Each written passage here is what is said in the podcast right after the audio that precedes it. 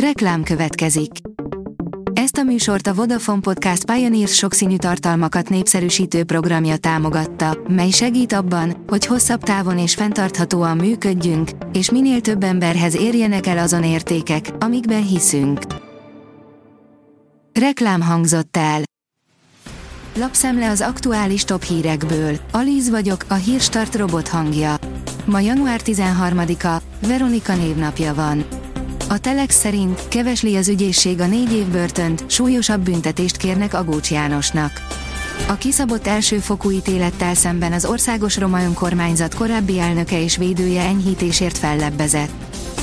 Napi 2900 köbméter termálvizet eresztenének a Rákospatakba a Bájár zuglói házai.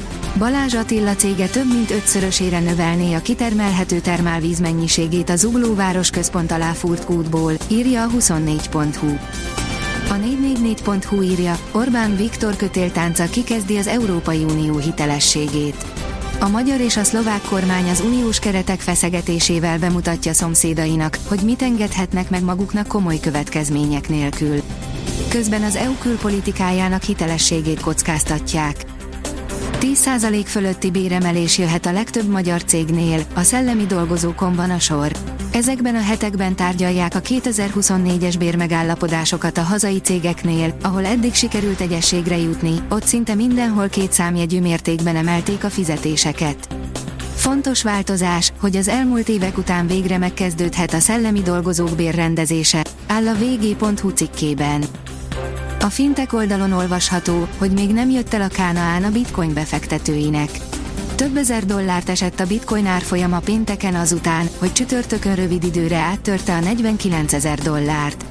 Ilyen magaslatokban utoljára 2021. decemberében járt a kriptovaluta. A portfólió írja, a benzinkutak megkapták az áremelési utasítást.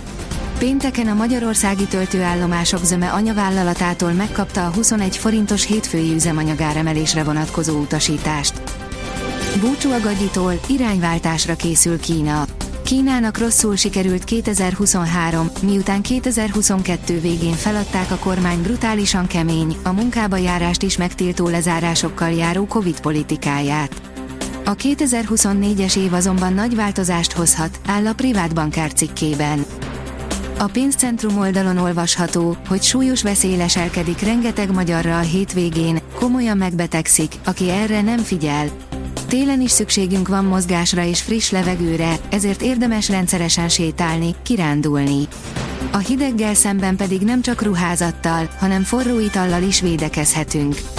Bármekkora távra is megyünk, nem bánjuk meg, ha viszünk magunkkal termoszt. Egy holland diák 10 millió eurónyi kriptót lophatott el. A holland hatóságok egy diákot és önjelölt kriptobankárt keresnek, amiért állítólag 10 millió eurót lophatott el egy feltételezett piramis játékban, írja a Bitcoin bázis. A rangadó szerint eldőlt, hogy nem lesz magyar válogatott Nánási. Ha bárkiben is felmerültek kételjek Sebastian Nánásival kapcsolatban, pénteken végleg eldőlt a sorsa. A spanyol kormány átruházta a migrációval kapcsolatos hatásköröket a katalánokra.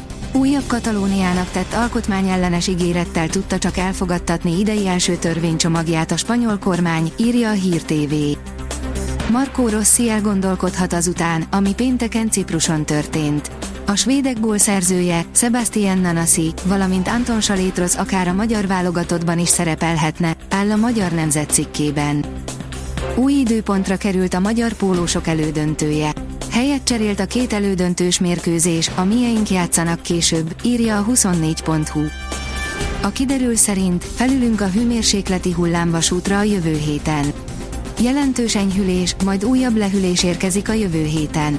Szerdától változékony, gyakran csapadékos időjárásban lesz részünk. A Hírstart friss lapszemléjét hallotta.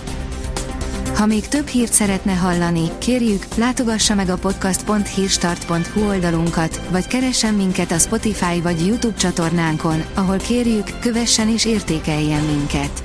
Az elhangzott hírek teljes terjedelemben elérhetőek weboldalunkon is. Köszönjük, hogy minket hallgatott!